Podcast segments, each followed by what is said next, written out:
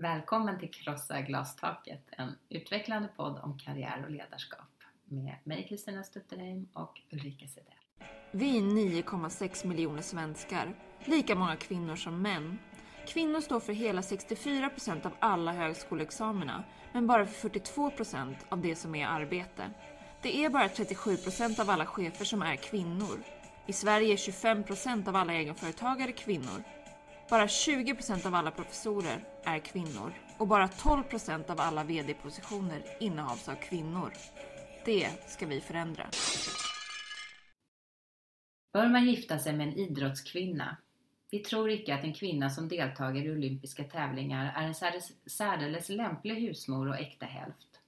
En flicka som vid 15 års ålder exempelvis börjar få intresse för idrottens olika grenar och slår sig på någon av dem får samtidigt en inriktning som är allt annat än fördelaktigt om man ser till den ur den äktenskapliga synvinkeln.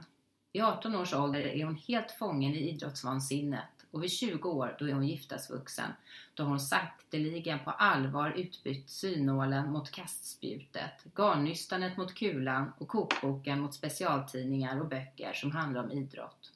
Idrottskvinnan blir kantig, grovlämmad, muskulös och okvinnig. Charmen försvinner. I dess ställe kommer manhaftighet och hårdhet. I ett äktenskap är det tillräckligt om en av kontrahenterna är i besittning av dessa egenskaper. Annars går det lätt galet. Ja, ett lite längre citat idag från tidningen Arbetet. När tror du att den var ifrån det här? Eh, jag hoppas att det var i alla fall 250 år sedan. Det var ju inte det. Nej. 1926. Kvinnan Samma år som min mamma föddes. Ja, Mm. Mm. otroligt. Mm. Där känner jag att det här hade varit något för fröken Frimans. Eller hur? Ja. Det har du helt rätt i. Ja. Hej Ulrika! Hej Kristina! Dags för ett nytt avsnitt. Ja, det är jätteinspirerande. Ja, Vi ska ägna oss åt idrotten idag. det ska vi. Och Mm. det är ju områden där vi är välbevandrade du och jag. Mycket, Mm. mycket. Jag, Mm. jag eh, känner mig väl bekant Mm. med rörelser Mm. och så. Ja, men, ja, olika rörelser, precis. Min favorit är plankan. Eh, Ja, men det är en mm. mäktig och väldigt viktig del utav vårt samhälle. Det är ju en enormt stor folkrörelse med många människor och inte tal om barn Alla som är aktiverade. Mm. Eh, Så att det är en folkrörelse som fostrar våra barn Mm. och, och vårt samhälle. Så det är en jättecentral del. Verkligen, där förebilder ju är väldigt viktigt. Mm. Och sätter spår på olika sätt. Mm. Och också en del utav integrationsarbetet. Ja, verkligen. Mm. Mm. Ja, det är en viktig del. Ja, och det är en viktig dag. Det är en viktig dag. Det Mm. är, vi spelar in det här några dagar före innan det publiceras. Så Mm. idag när vi spelar in så är det Trumps installation Mm. i Vita huset. 20 januari. Mm. Eh, Det är tungt faktiskt. Mm, Det ska- är det. Ja, man vet ju ingenting om vad som kommer Nej. hända det här året Nej. känns som. Eller hans fyra år. Mm.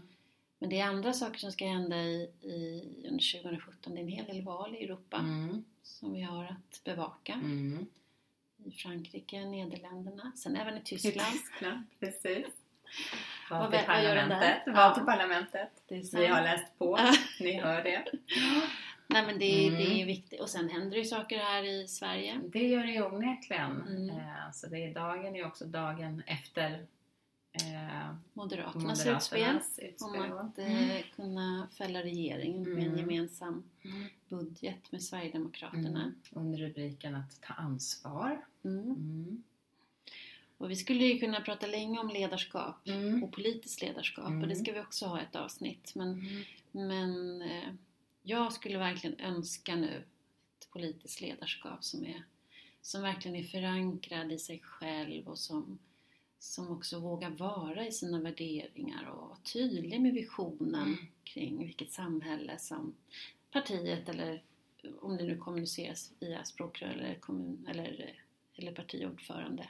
Vad är det för samhälle som man vill se? Som, ska, som vi medborgare kan bidra till att skapa. Mm. Helt Mm. sant. Mm. Mm. Utspel är vi lite trötta på. Utspel är vi väldigt trötta på, Mm. framförallt om vi inte förstår.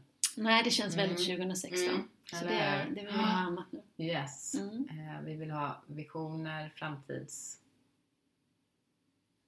bilder. Mm. Mm. Så att man har en chans att vara med och bidra till den. Ja, Fälla regering känns lite kort. då. Ja. Ja. det tycker vi onekligen. Eh, så ja, vi ska prata lite om idrottsrörelsen har vi sagt. Hur Mm. står det till med jämställdhet, jämställdheten där? ja, vi har ju ruskat lite. Det har vi gjort. Vi kommer också möta en kvinnlig ledare En fantastisk förebild Mm. inom idrotten. mm, med ett gediget CV, Ann Mm. Forsell.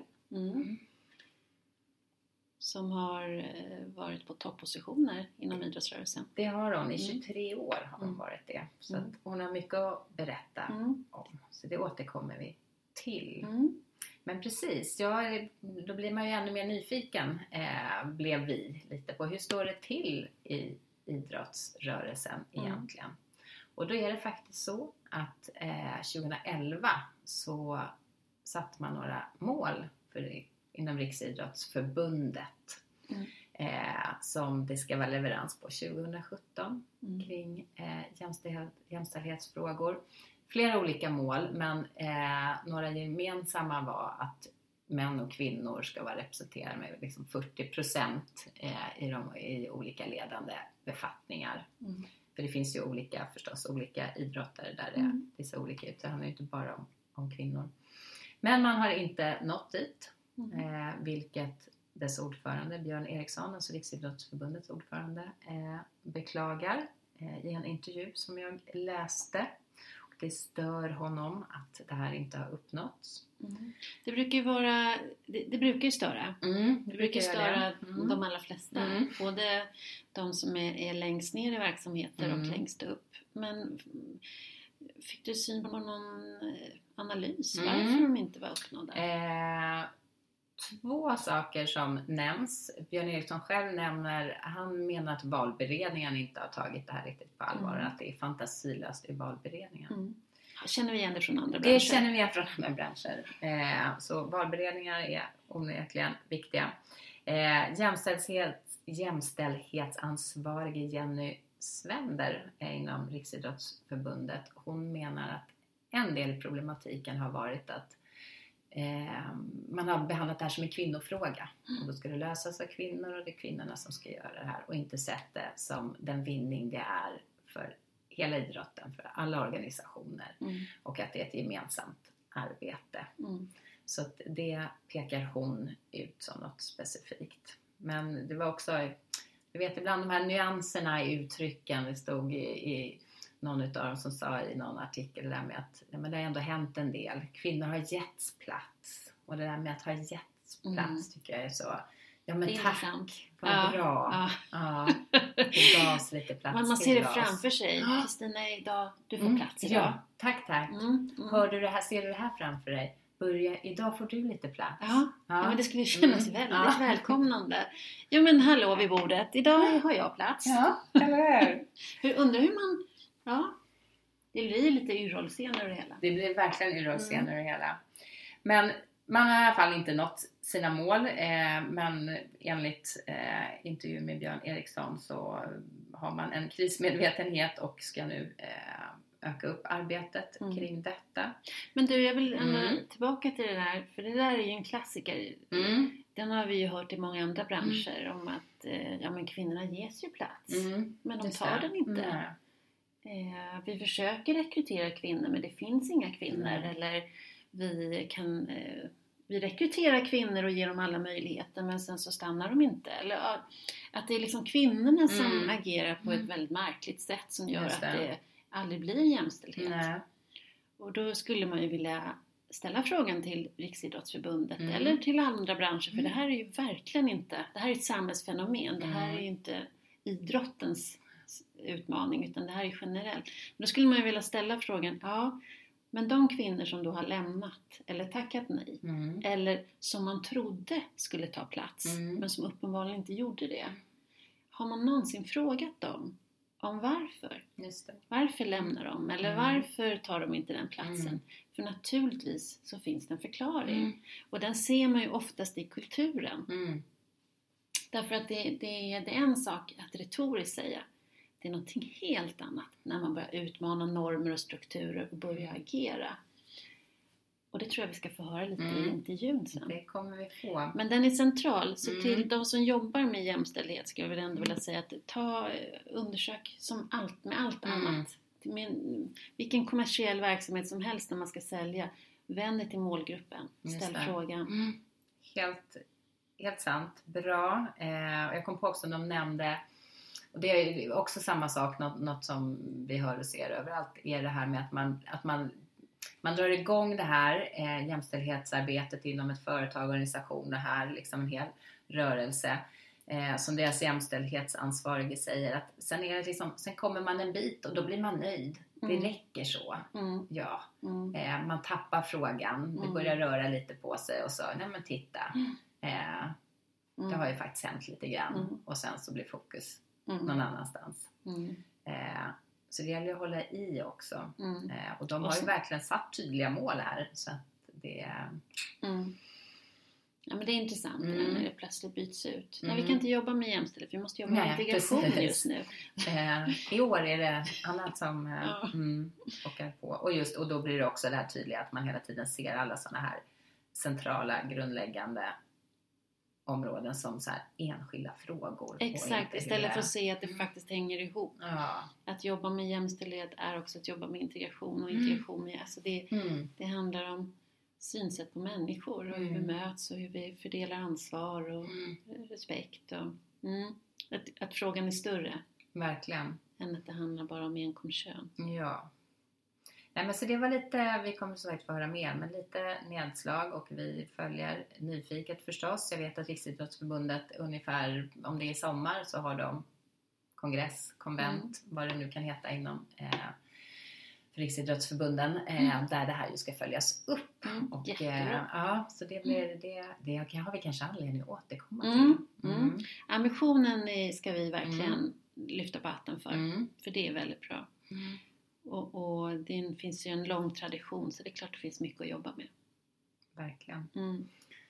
Har Mm. du tänkt på något särskilt annars Nej, men jag- avsnitt? Nej, men jag tänkte på just den här repliken som du hänvisar till för den jämställdhetsansvarige som, som försöker att, att hitta lösningar såklart och, och lägger energi och tid på det. Och att det här med att kvinnor då inte har tagit plats och varför har de det inte gjort då? Och då eh, har jag funderat på det här med härskartekniker. Mm. Jag har inte nämnt det tidigare, vi har inte pratat om det. Eh, För det är ju härskarteknikerna som oftast det här osynliga karriärshindret som vi kallar för glastak. Det blir ju oftast gestaltat i härskartekniker. Mm. Det är ju där eh, vi kommunicerar de här stoppen som inte blir uttalade. Det är också där vi krymper Mm. och backar och inte tar plats. Mm. Eh, Och de är lite viktiga att titta på tänkte Mm. Det tycker jag också. jag. Mm. Eh, och det finns ju några, man började prata om det här begreppet på 70-talet. Mm. Det var en kvinna, Berit Ås, Mm. som myntade. Professor, Ja. Eh, och då fem Mm. härskartekniker. Precis, Eh, och sen har det- grupperingar, man ska Exakt. säga. Och sen har det Mm. utvecklats. Det finns Ja. många som har kommit efter Mm. och lagt till och, Mm. och man pratar om främjande tekniker och, och motstrategier. Men jag Mm. tänkte att vi ska titta lite på Mm. motstrategierna. Mm. Och om vi bara drar dem lite kort så har vi ju en eh, som kallas för eh, osynliggörande. Och det är ju scener som jag tror de flesta känner igen sig i när de eh, eh, Ja, man får inte ord på mötet eller man får inte talutrymme på mötet eller man blir nonchalerad eller någon vänder och vänder sig om Mm. när man börjar prata. Jag har faktiskt varit med om en gång när jag skulle pitcha en ledarskapsutbildning för en, en av Sveriges största organisationer. Att det var några stycken som satte sig med ryggen mot. Nej. Mm, Det är ju också, det finns ju en känd, eh, Göran Persson, eh, just det. Gjorde ju det i riksdagen. Han skyllde på att han behövde, hade ont i ryggen eller vad det var. Men eh, som ju verkligen eh, stod ut. Nej men den har man ju råkat ut för. Ja. Just det där ignorerandet av att man säger något och så Mm. bara så går bara ordet över någon annanstans Ja. och man nästan så här får tänka Sa jag något eller tänkte jag bara att jag sa något? Blev ju ingen reaktion här. Ja, nej, det är väldigt, väldigt eh, speciellt. Och man Mm. blir ju väldigt obehaglig till mods för man får en känsla av att oj, jag har nog inget viktigt att säga. Nej. Eller det där var nog inte intressant att Mm. lyssna på. Det blir ju känslan. Mm.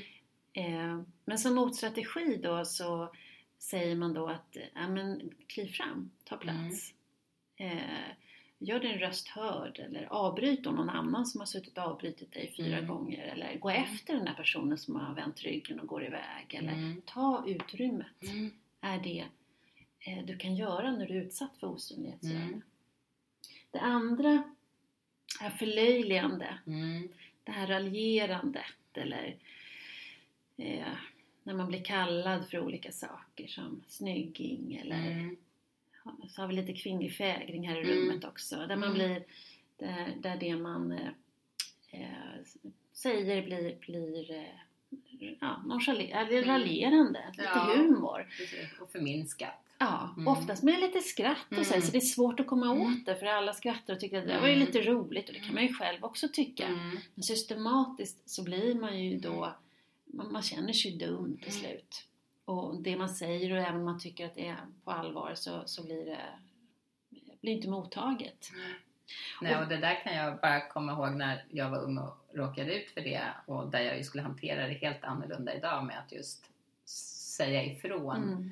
Eh, där då när jag var yngre så blev det mer att man bara lät det Mm. passera, ville inte göra någonting av det, varken att inte bejaka det men inte heller Och ta det, plats och eh, säga ifrån. precis, och det blir ju Mm. konsekvensen av just Mm. härskar, att det är någon som Mm. härskar över en. Mm. Den förminskar ens utrymme.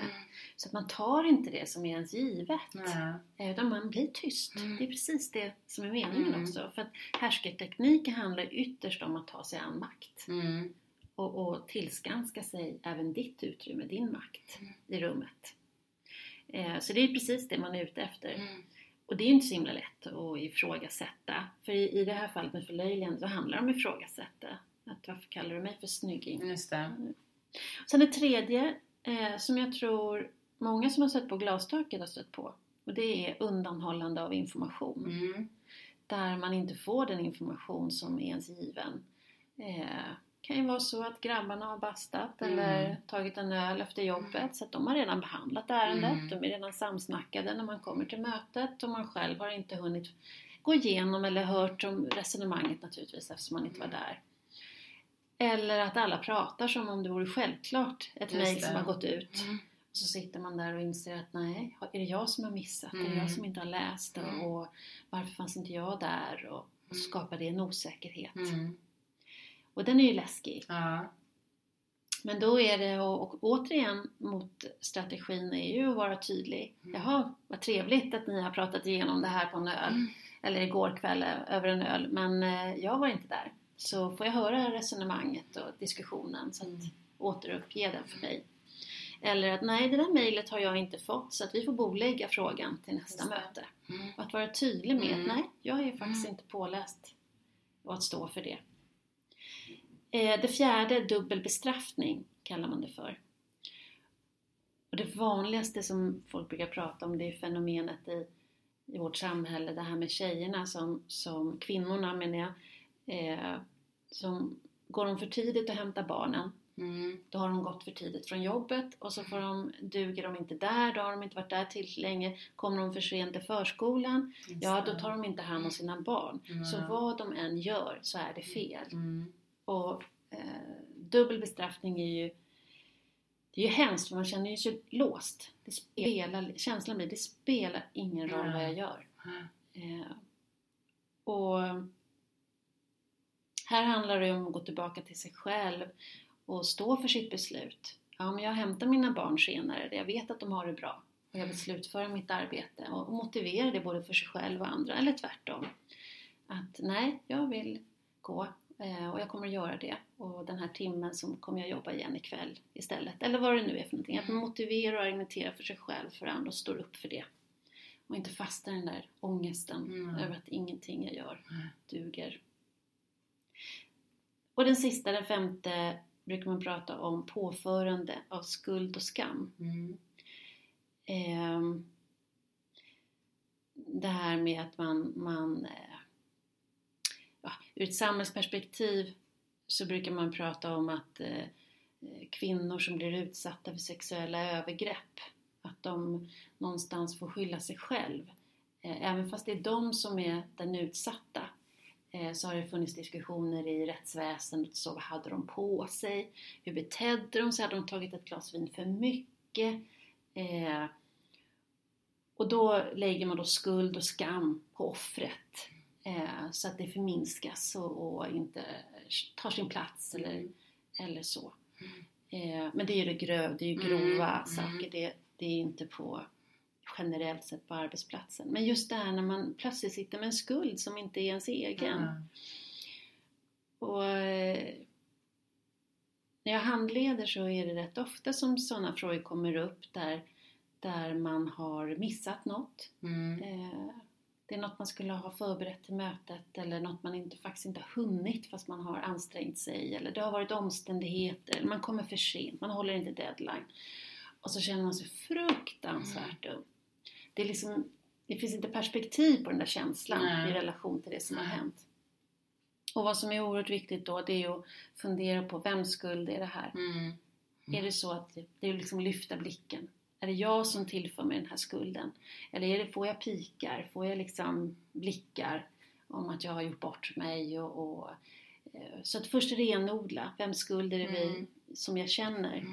Men sen är det ju att lyfta blicken återigen eh, och se situationen. Vad var det egentligen som hände? Ja, jag kom tio minuter för sent eller jag hade inte fixat den här punkten men gjorde det någon skada om det tar en vecka till? Mm. Eh, att börja liksom kritiskt analysera situationen. Och är det någon som brydde sig överhuvudtaget Mm. egentligen? Så den analysen, Mm. när man Mm. känner en skuld som mm, kanske inte alls stämmer överens med verkligheten. Så det är de fem Mm. eh, härskartekniken och motstrategin. Och jag tror motstrategi borde man ha utbildning i skolan Mm. faktiskt. För det här tror jag förekommer. Jag tror inte, ja jag i alla fall har i alla fall varit med om alla fem. Absolut, och man känner just apropå vad man själv sa när man var yngre och ju inte hade några motstrategier, vad man gärna vill och önskar att man får med sig det Mm, tidigt. Mm. Män som kvinnor, tjejer som killar förstås. mm. Eh, verkligen. Idag känns ju de här sakerna lättare. Ja, Men, eh, och, och men ändå viktigt att prata om. Mm. Och jag tänker att det är viktigt att prata om på arbetsplatsen också. Mm, att man har diskussioner om mm. det här och, och. Spegla och se vad som faktiskt försiggår. Och ibland så kan man ju härska, använda härskartekniker fast man inte ens är medveten om det. Och då är det viktigt att få bli speglad. Ja, För det är också ett inlärt mönster. Man kan ha själv blivit behandlad på ett visst sätt väldigt mycket Mm. som man inte ens noterar själv. Nej. Läste retorikexperten Elaine Eksvärd Mm. skrev det. Hon har också gjort en lista av, eh, utifrån det här men eh, har lite andra benämningar också. Något som är just stereotyptekniken. Att man Mm. får de där frågorna att göra det ena eller det andra som man inte har visat något intresse för och som kanske kan anses då typiskt kvinnliga. Och att man just då eh, frågar, när man, Mm. åh vad intressant att du bad mig om det här, hur kommer det sig? Mm. Eh, och hon menar ju också att ibland är det ju ändå så att, att det bara kommer av bara farten och Mm. att det här kan hjälpa till att och spegla beteendet. Och, eh, Verkligen. När, vi ser, när man ser att det är återkommande bara är kvinnan som går och hämtar kaffet i mötet. ja. Till exempel om det råkar vara så. Mm. Vilket jag, jag stötte på på en bank till exempel. Där man Mm. upptäckte det när vi diskuterade. Det alltid var kvinnorna som skrev protokoll och Ja. hämtade bullarna. Fast man inte ens hade noterat det. Nej. Mm. Ja, Ja, det är intressant. verkligen. Ja, Mm. men nu ska vi vidare till intervjun. Det ska vi. Vi ska träffa Ann Forsell som vi nämnde med ett gediget CV inom idrottsvärlden. Eh, och många av de här åren där hon har varit aktiv är inom sim, sim, eh, simvärlden. Mm. Eh, 23 år som tränare på toppnivå inom, Mm. sim, inom simningen. Eh, varit elittränare, varit förbundskapten på simförbundet också. Mm. Eh, sen har hon jobbat som elitidrottsutvecklare på Svenska Handikappsförbundet och Sveriges eh, Paralympiska kommitté. Mm. Expertkommentator i TV-sporten. Och så har hon jobbat som team manager eh, för ungdomslagen, ungdom, ungdomslandslagen kanske, ska jag säga, inom badmintonförbundet. Mm. Så att här är en kvinna med mycket ledarerfarenhet Mm. inom den stora viktiga idrottsrörelsen Mm. som vi träffade eh, hemma i ditt kök Ulrika Mm. eh, och fick en eh, jätteintressant och lärorik intervju med henne. Mm.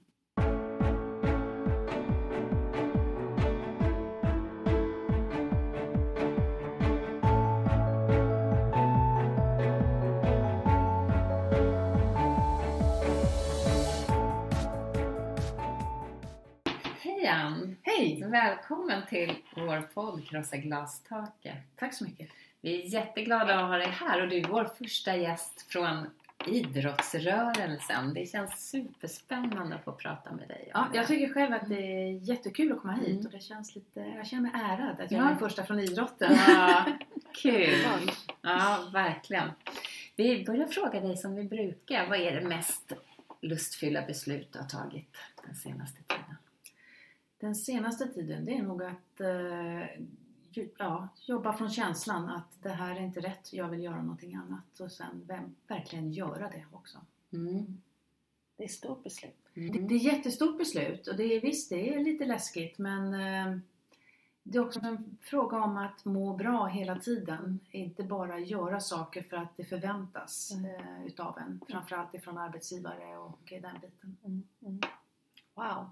Verkligen. Vi brukar ju prata om den inre kompassen och det där för att ja, hur hittar man det där då? Det som är lustfyllt eller vad som känns rätt. Hur, hur hittade du det då? Vad var det som fick dig att nej? Ehm, Jag har nog lärt mig hitta den genom att man har gått på smällar på vägen. Mm. Eh, Och sen känna igen signaler och förstå att det behöver inte vara på det här sättet. Mm. Så att det, det är väl ingenting man lär sig genom att man läser en bok. Man läser boken men man förstår inte att det här är Mm. någonting som kan drabba mig. Eh, Då måste man nog gå på några smällar först Mm. Mm. tror jag. Komma till någon slags insikt. Mm. Vad som är viktigt. Ja, Mm. det, det, är, det är jag numera övertygad om. Mm. Du kan väl berätta lite kort om, om dig själv, vem du är och vad du gör? Ja, ehm, jag har väl varit i idrotten i eh, hela mitt liv egentligen. Eh, och arbetat med, ja dels har jag varit simtränare eh, på elitnivå så att jag har varit både i landslaget och i förening och haft simmare från olika länder som har gjort, simmat olika internationella mästerskap. Så det är väl där som jag har haft min största arbetsgärning och eh, stora intresse ska jag väl erkänna. Så att eh, intresset blev mitt eh, professionella yrkesliv. Så att det kände jag mig väldigt privilegierad över. Eh, sen har jag eh, bestämde jag mig efter att ha gjort några vändor och resor med eh, OS ehm, som då tar fyra års cykler där det gäller att man som ledare är minst lika motiverad som den aktiva. För jag kan ju inte motivera någon annan om jag själv inte är motiverad till 100% själv. Så att ehm, då beslutade jag efter London-OS att ehm, nu räcker det. Och hoppade av simningen helt enkelt. Fick erbjudande om att jobba på Svenska Parasportförbundet som elitidrottsutvecklare. Tyckte det var jättespännande. Eh, började med att tycka att jag kan inget om handikapp. Nej, men det har vi folk som kan så det är jättebra om du kan idrott. Så att, eh, det var väl det. Okej, ja men då, Mm. då kan jag gärna vara med här. Mm. Så jag var där ett år på ett vikariat. Eh, och sen eh, fick jag ett jobb på Svenska Badmintonförbundet som utvecklare och ansvarig för junior och ungdomslandslagen. Och det tyckte jag var jättespännande. Ett förbund som vågade satsa och anställa en som bara var för utveckling utav eh, unga talanger helt enkelt. Så då jobbade jag där ett tag. Men eh, har slutat där också nu efter eh, att jag kände att nej, det här är inte rätt ställe för mig att vara på. Mm. Det här med att du valde att bli ledare, att gå från att vara aktiv till att, till att leda. Hur kom det sig? Ja, jag halkade in på det. Ehm, när jag var, samtidigt som jag själv var simmare på, ja, på någon gräsrotsnivå nästintill ehm, så fick man ju frågan om man ville vara med och vara ledare för ungdomsgrupper. Och jag kom på väldigt tidigt att jag tyckte det var väldigt kul att se andra förverkliga mina tankar, idéer och vad jag försökt förklara. Och framförallt ska jag väl erkänna det var lättare att säga till andra vad de ska göra för arbete än vad jag gör det själv.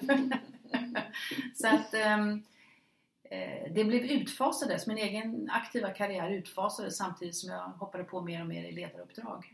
Så att, ehm, jag har aldrig riktigt förstått det där att jag skulle säga nej till saker, att det var saker som inte passade. Eh, att jag inte borde göra enligt den, de Mm. konventionen. Men, Mm. eh, så det, det ena har fött det andra. Så att, eh, jag halkade in på det och har aldrig ångrat det beslutet.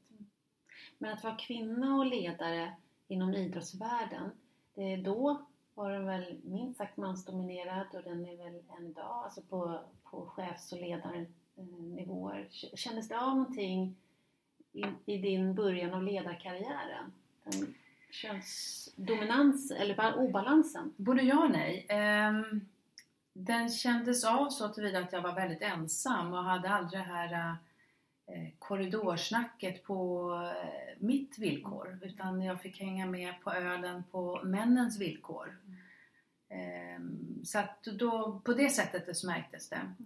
Men jag hade turen av att ha manliga ledare i höga positioner som eh, promotade att man var med på, att de skulle vara kvinnliga ledare var med. Mm. Så jag klarade mig rätt bra där och eh, jag förstod inte att det var ett problem med att eh, vara kvinnlig ledare. Mm.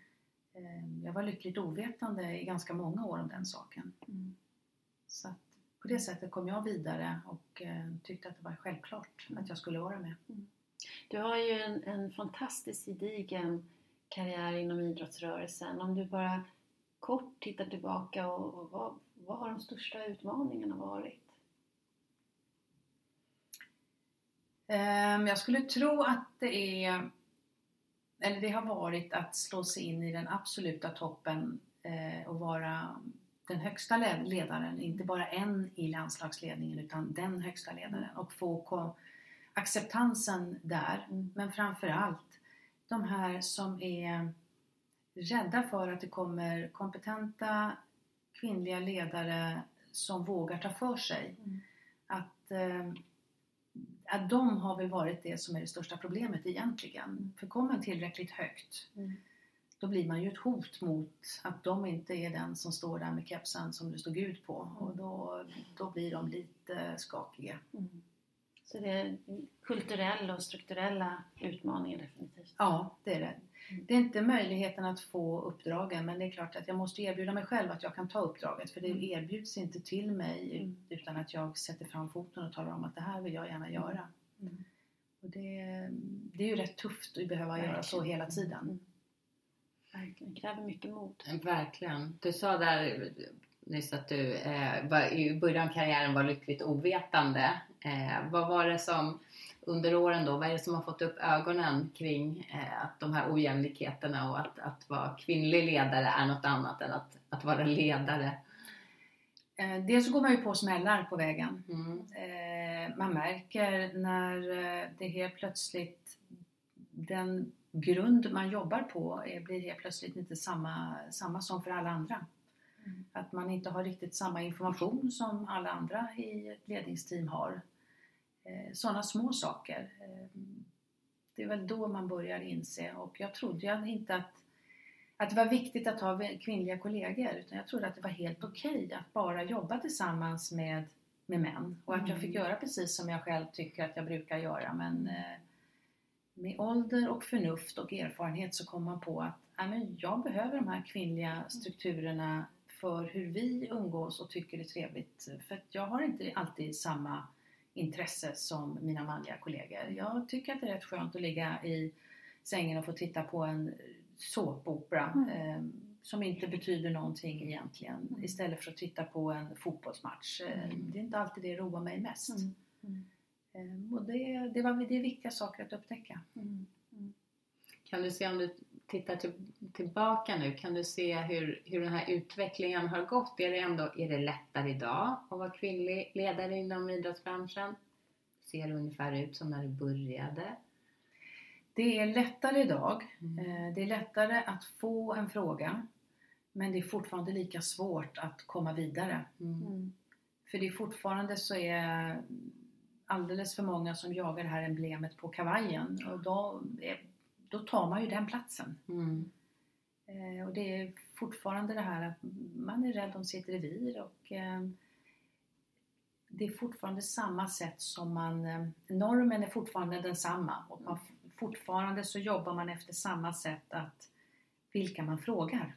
Mm. Och då frågar man de som är likadana Mm. som en själv, Mm. som står en själv närmast. Mm.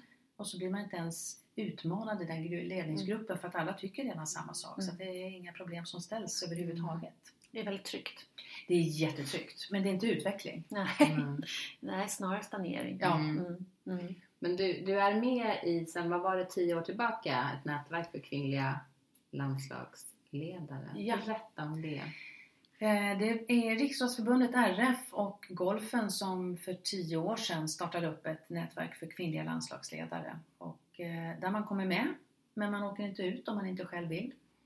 Så att även om man inte har lika mycket uppdrag i landslaget längre så får man fortfarande vara med. För att då är man ju fortfarande en bidragande faktor till att eh, skapa nätverk, kontakter, idéer och fortfarande finns erfarenheten som är så himla viktig. Eh, Det finns väldigt många namn med i det här nätverket men det är, tyvärr så är det väldigt många som försvinner på vägen som inte finns kvar inom idrotten längre. Eh, har valt att gå andra vägar eller inte har landslagsuppdragen längre eller ibland inte ens får reda på det från sina förbund att det här nätverket finns. Eller att just nu så är det en träff Mm. så att man eh, kan anmäla sig på den. För att vi träffas två gånger om året, eh, på hösten och på våren. Mm. Och det är lite olika beroende på vilka res- idrotter det är som har säsong eller inte, om det passar eller inte. Men ehm, det, bruk- det är väldigt givande. Och det är, Vad syftar det till? Vad syftar? dels är det att försöka stärka flera kvinnliga ledare att vilja vara med i elitidrotten på högsta nivå. Mm. Inte bara som eh, Jaha, det är du som är fysion eller är det du som är, tar hand om matbokningen eller vilket ofta är den frågan man får.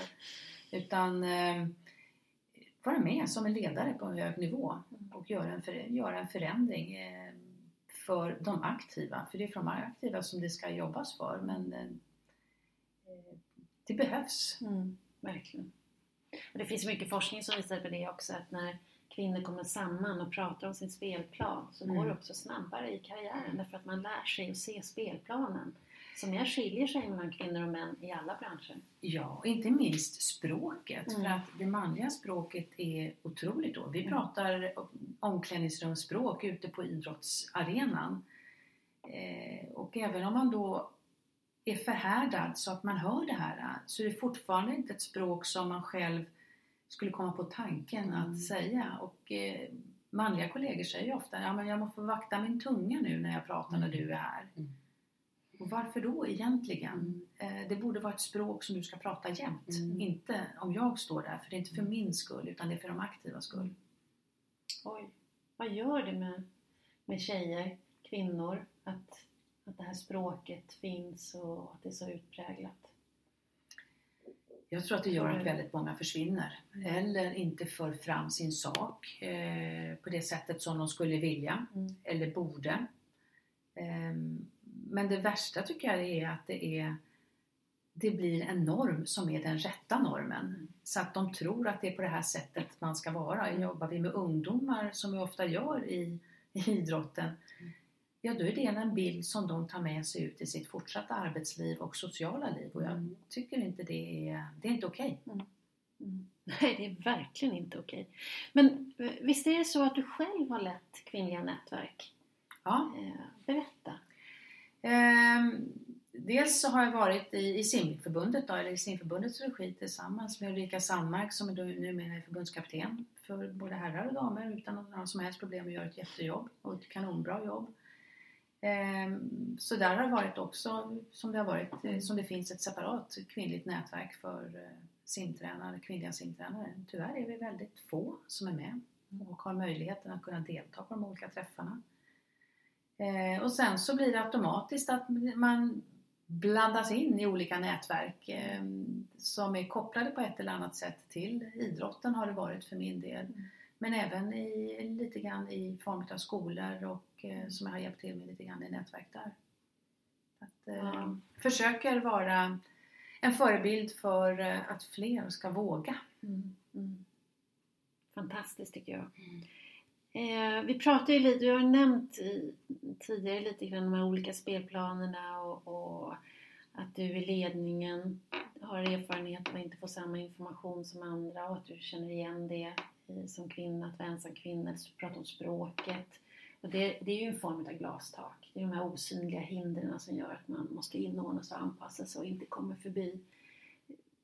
Finns det andra typer som du kan berätta om glastak som du har stött på eller sett eller eh, i din väg framåt i karriären till högsta nivå? Det som är det vanligaste som man ser det är just det här när eh, kvinnorna blir för duktiga Mm. och eh, gör det på kvinnligt sätt eller på kvinnors vis. Mm.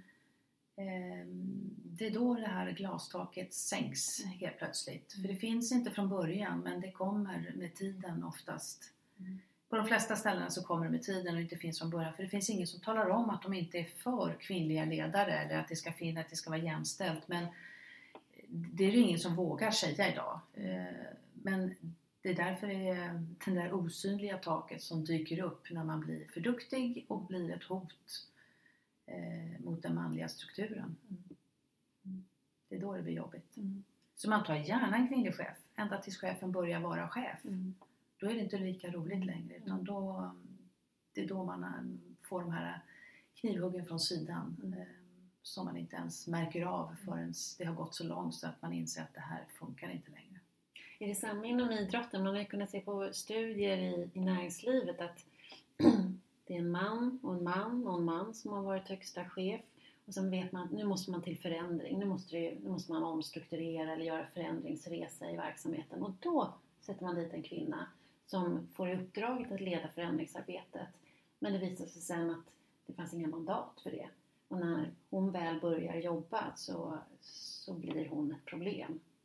Finns Ja. det liknande som du har sett eh, i idrottsvärlden? Både sett och upplevt. Mm. Så att eh, jag lärde mig under de här mina senaste två år och, och inse och har myntat det här att eh, alla är väldigt positiva till förändringar ända tills de inser att det drabbar dem själva. Mm. Då är det inget roligt längre. Mm. Och det är då det inte finns acceptansen på samma sätt längre. Då har man inte mandaten längre utan helt plötsligt så blir de här mandaten färre och färre. Och har man då tagit och trott att man har, fortfarande har det här mandatet, för det är ingen som talar om att du inte har mandatet. Eh, utan man tar beslut på samma sätt som man gjorde två, tre veckor tidigare. Och då tar det hus i... Mm. Då är det inte lika roligt längre. Och det måste ju vara fruktansvärt jobbigt att vara med om den osäkerheten och inte veta vad, ju, vad är rätt och vad är fel och vilka har jag med mig och vilka har jag inte med mig. Och, Det är vidrigt. mm. Och det gör ju att man skickar de här ytterligare extra mejlen med CC till både Mm. höger och vänster, upp och ner och fram och tillbaka. Mm. Bara för att säkerställa att det här får inte bli fel. Ni ska inte kunna komma tillbaka till mig och säga att jag inte har Mm. gett information eller att jag har tagit ett beslut som jag inte borde ta ett beslut på. Att, Mm. och ibland så tas det som positivt och ibland som är varför skriver du till mig om det här? Mm. Jag vill inte ha alla de här mejlen. Nej, Mm. men i nästa sekund så talar de om för mig att jag inte ska ha det här mandatet. Mm. Och då blir det knas. Mm. Fruktansvärt. Och ångestframkallande såklart för, för vem som helst. Hur kompetent och driven och Mm. man än är och blir utsatt för. Det är, alltså har man inte mått dåligt tidigare Mm. så mår man dåligt då. Mm. För man är ju rädd för varje grej man ska göra. Det Mm. slutar ju med att Jaha, ska jag ta kopior på det här eller ska jag låta bli? Det Mm. kommer ju ner till så banala nivå, nivåer till slut. Jag blir inlärd i hjälplöshet. Ja, Mm. det, är- det är hemskt. Mm. Och det är jättemånga som, eh, som drabbas utav det här. Så att, ehm, det blir en svår cirkel att upptäcka. Ehm, Man tror att det är fel på en själv. Precis, och jag, Mm. jag tänker att det är därför det blir så viktigt att prata om det. Därför att eh, jag tror att också, eller jag ser också det i min handledning, att, att det är många som sluter sig och, och är så rädda för att det ska vara de själva. Så man pratar inte ens om det. Utan man går och bär Mm. på sin, sin resa och sin skam. Så Mm. därför så är det fantastiskt att du också vis, liksom, Mm. kan berätta vad du har sett och varit med om och att, att vi kan börja prata om ett system och en kultur istället för en, en individproblematik. Mm. Ja, för det här är ingenting som bara finns i idrotten utan det här finns ju i, eh, i näringsliv sam och i samhället. Det är, Mm. det är ett struktur som Mm. vi har. Det ligger Mm. kvar ett nedärvt Mm. sedan många århundraden tillbaka och det är Mm. inte någonting vi ändrar på i en, eh, hast, bara i en handvändning utan det, det kommer ta sin tid innan det här är färdigt. Och det, därför är det så viktigt att frågan lyfts Mm. så att det är fler som är medvetna om att de kanske drabbas för att de själva är kvinnor och har upplevt det här. Men, och jag tror inte att männen gör det här utav elakhet. Jag tror att de gör det utav omedvetenhet. Mm. Eh, Så att jag, Och även kvinnor kan spela med i det spelet. absolut! Så att det är inte Det- bara män mot kvinnor. Utan, Nej, nej, för att Mm, men- plötsligt så blir, kan man jag som kvinna kan ju bli ihop mot en annan Mm. kvinna och nu har ju jag den som den här kvinnan gunsten hos den här mannen. Då ska jag ju se till att jag sköter mig så att jag får ha kvar det. Mm. Så att vi är inte ett dugg bättre vi heller men det gäller att vi börjar prata om det så att vi har en möjlighet att kunna göra förändringen. Verkligen. Och då tänker jag på i, i idrottsvärlden, nu, nu har vi pekat på de problemen med språket, eh, kulturen, den ganska obalans, den obalans som är mellan kvinnor och män. Har du några tankar kring vad man skulle kunna göra åt att, att få en bättre jämställdhet inom just idrottsrörelsen? Ja, nej egentligen har jag inte receptet mer än att det första vi måste göra är att vi börjar prata om det. Ehm, och framförallt, det finns ju, RF satte upp ett mål för jättemånga år sedan på, Riksidrottsstyrelsens möte och förbundsmöte att eh, 2017 så ska det vara jämställt i förbunden och det är det inte. Men det finns inga incitament mot förbunden som inte lever upp till det här. Så det, är ingen, det Händer händer ju ingenting.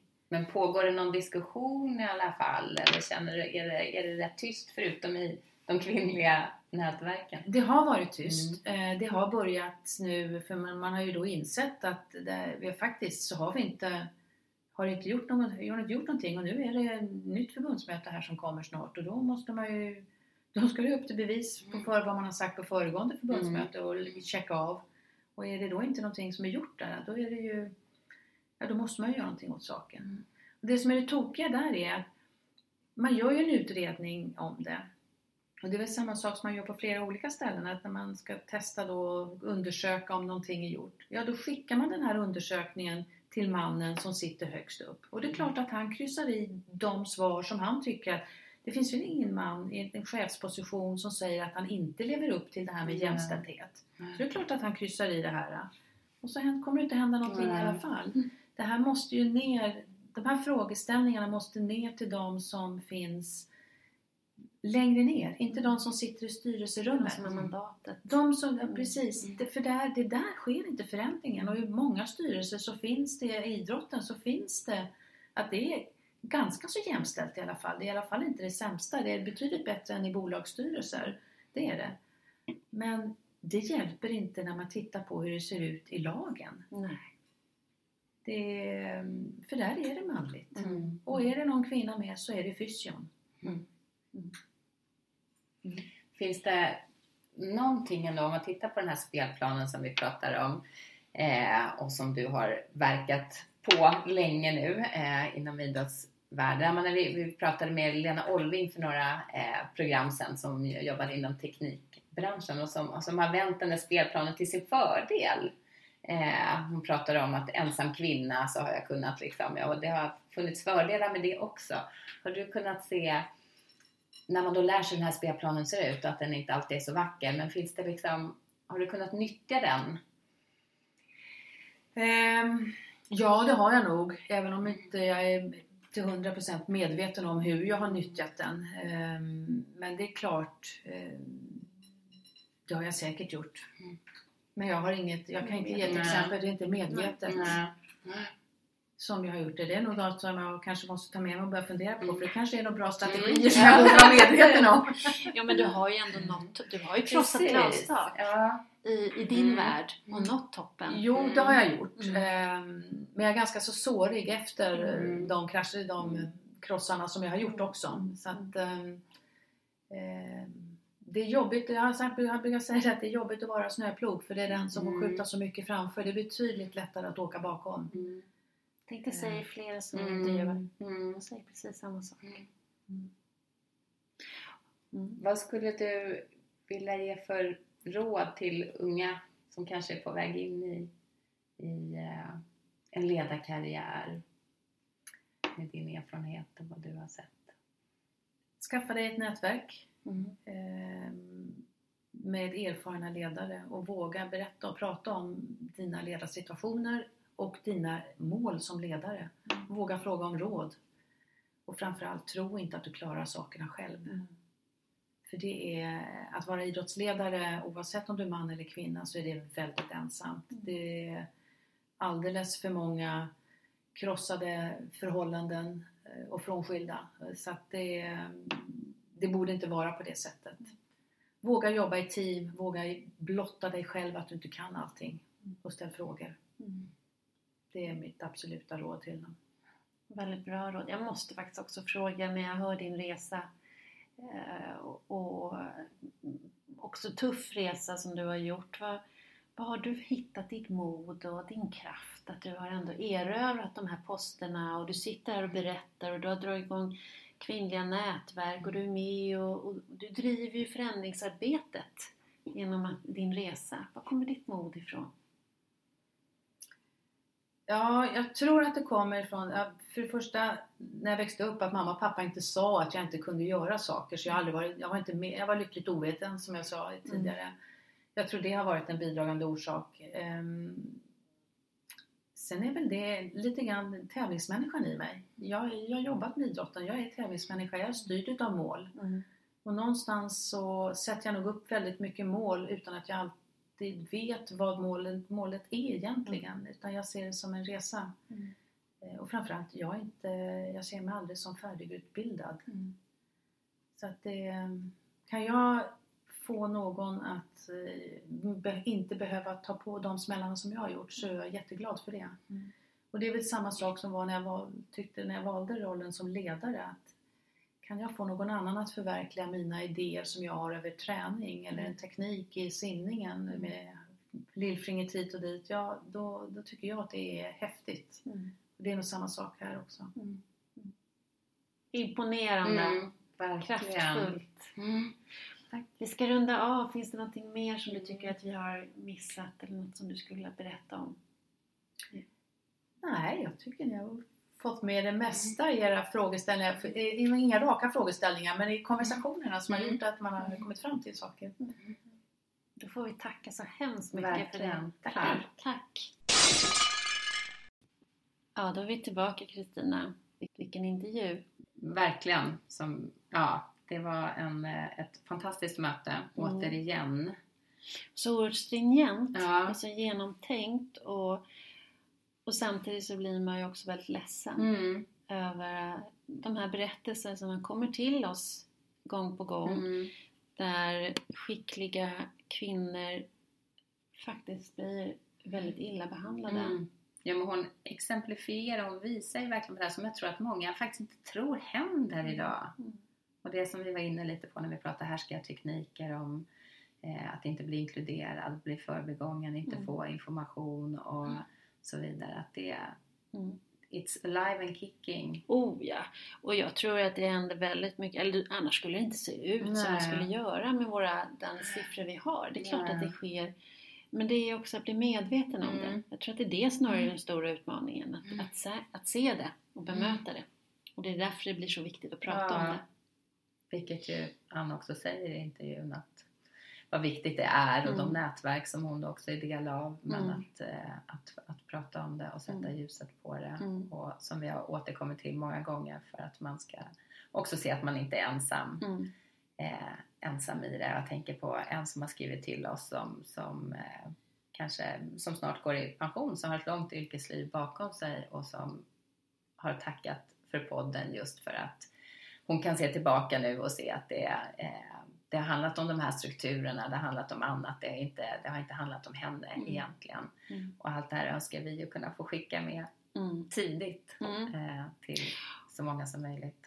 Det är verkligen. Och det har vi gjort till eh, en kvinna som har skrivit eh, till karriär eh, snabel-a krossa glastak nej krossaglastaket.se Mm. karriär Karriär. så är det Och dit, eh, skriv gärna in om ni har reflektioner, tankar, idéer, frågor kring er karriär och vill ha karriärstips. Eh, karriär.krossaglastak.se Och då står det så här. Hej Ulrika och Kristina. Tack för er podd. Den är väldigt inspirerande att följa. Jag var på en utav Ulrikas föreläsningar i Göteborg under hösten och det var så roligt att lyssna. Något som verkligen fastnade i mitt huvud var en anekdot om när Ulrika hade suttit på ett möte och blev omtalad som en person som var där för att hon var trevlig att titta på.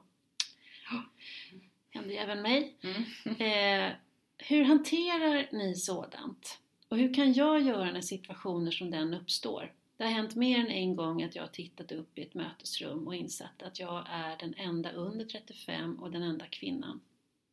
Det hade varit så intressant att få höra er belysning på det och såklart vad jag kan ta med mig. Eh, grattis till en bra podd som jag kommer att följa. Hej! Mm. Mm. Och det här är ju egentligen härskartekniker. Mm. Eh, att bli, eh, det kan ju vara förlöjligande om man blir omnämnd som någon som är här bara för att det är trevligt att titta på. Eh, eller snygging eller ja, nå- någonting Mm. som har med dina yttre attribut att göra. Eh, och det jobbigaste är ju att det oftast är lite trevligt. Mm. Alltså man Mm. uppfattar inte direkt då när man sitter där som att det skulle vara något, något negativt. Utan Mm. man skrattar tillsammans och man kan, och kommentarerna åker fram och tillbaka. Men när det blir lite olustkänsla och man känner så här, det där var inte bra. Men man går ändå inte eh, fram och säger någonting därför att man känner att då skapar man ett problem. Och då har man blivit av med sin egen makt. Mm. Då har ju någon annan tillskanskat sig den makten som är ens egen. Så att jag skulle verkligen vilja eh, säga det att när du som skriver och alla andra är med om det här, ta inte det utan schysst med lite glimten i ögat eh, peka på vad som just sker nu. Mm. Nu kallar ni mig för duktig flicka eller i det här fallet, jag tror den här anekdoten jag pratade om, då, eh, då kallades jag för kvinnlig fägring i rummet. Mm. Eh, Men att visa på att nej, det där är, det är faktiskt inte okej. Nej. Utan jag har ett förnamn jag också som alla andra vid bordet. Mm. Och jag tänker som karriärstips också med anledning av intervjun så tycker jag att vi lägger helt enkelt ut en, en information om de här främjan, Mm. frä, eller eh, motstrategierna till, eh, till eh, eh, Härskarteknikerna. ja, Mm. precis. Mm. Det är en viktig del av att runda glastaket. Just det. Mm. Vad bra. Mm. Men då rundar vi inte bara glastak, vi rundar av detta Avsnitt. avsnitt helt Ja. enkelt. Eh, och Tar oss ut denna gång. dag Ja men och följer precis. installationen av Trump. Det gör vi. Mm. Tack, Tack. och eh, vi hörs snart igen. Mm. Hej då!